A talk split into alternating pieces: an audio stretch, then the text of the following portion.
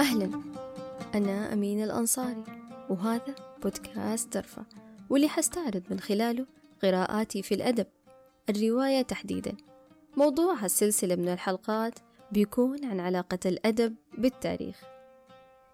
إذا كانت قراءة كتب التاريخ صعبة ومليانة أسماء ووقائع مو بسهولة نستوعبها ونربط أحداثها فخليكم معايا نشوف كيف صور الأدب التاريخ ورسم لنا ملامح الحياة الاجتماعية في تلك الأزمنة. فيكتور هوغو كاتب رواية البؤساء يقول الرواية التاريخية تصف الحياة ذاتها. التاريخ يتعامل مع الأحداث والرواية مع الوقائع المعاشة. وأحسن ما نبدأ به سلسلة حلقاتنا هي رواية اللبناني أمين معلوف ليون الإفريقي واللي قدم لنا فيها سيرة ومشاهدات ووقائع تاريخية عاصرها بطل روايته الحسن الوزان في إطار أدبي أكثر من رائع. ليون الإفريقي وهي سيرة ذاتية تخيلية لحياة الرحالة حسن بن محمد الوزان. يسرد من خلالها التحولات الكبيرة في حياة الوزان وإلى أين قادته الأقدار.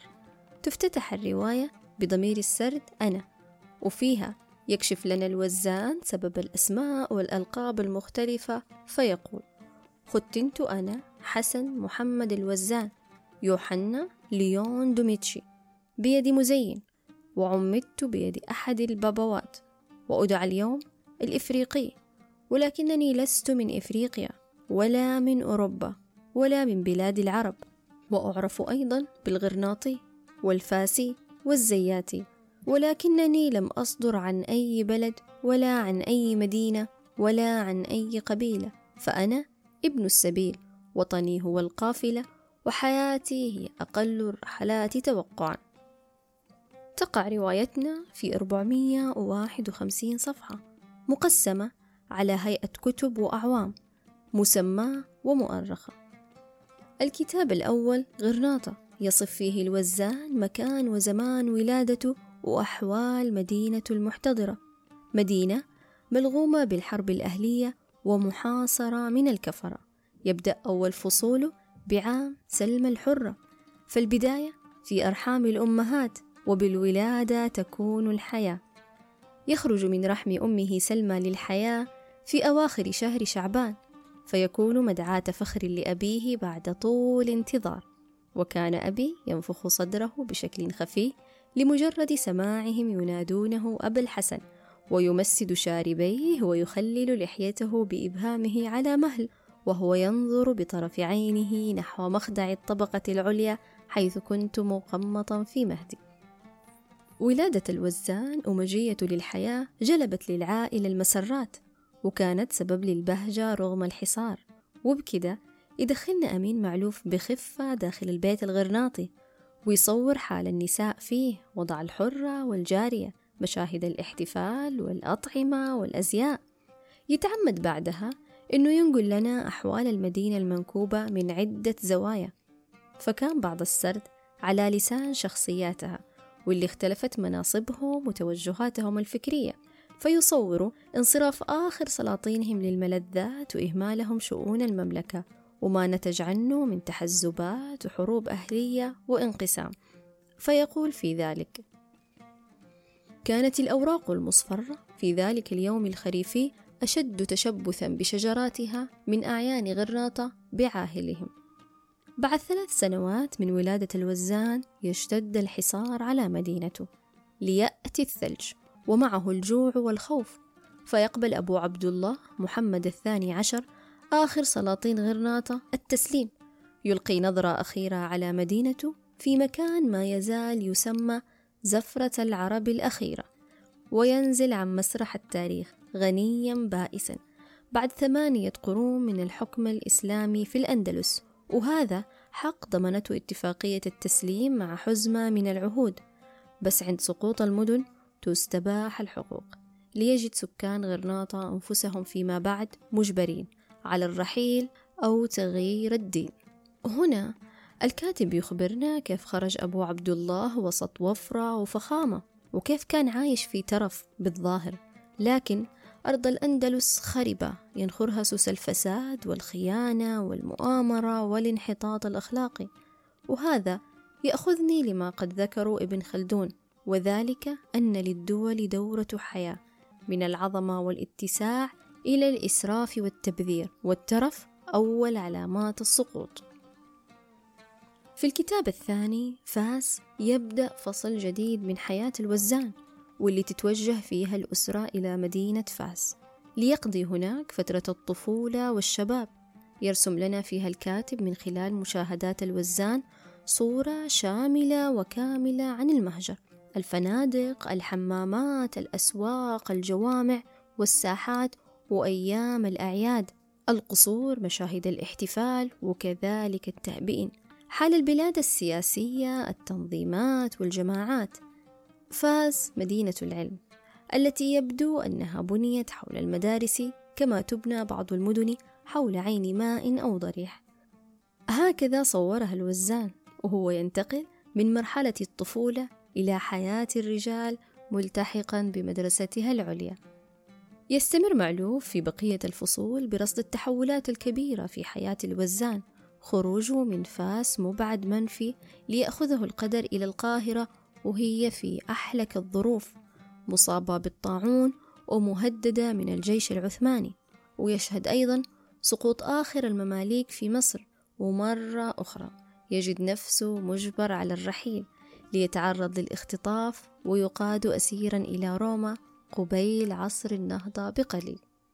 المفكر والرئيس البوسني السابق علي عزت يقول عن علاقة الأدب بالتاريخ لكي نتعرف إلى شعب معين أو عصر معين لا يكفي تماما أن تقرأ تاريخه المكتوب.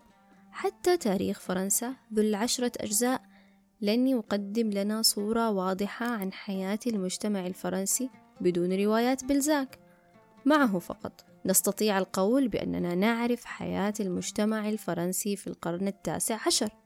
وهذا تحديدا اللي لقيته في رواية ليون الإفريقي فهي تصوير وتتبع لأحداث وقائع تلك الفترة الزمنية لدرجة يصعب على القارئ تمييز ما هو التخيلي من التاريخي فطريقة تقسيم الرواية على هيئة كتب كانت الطريقة اللي دون بها الرحالة حسن الوزان كتابه وصف أفريقيا.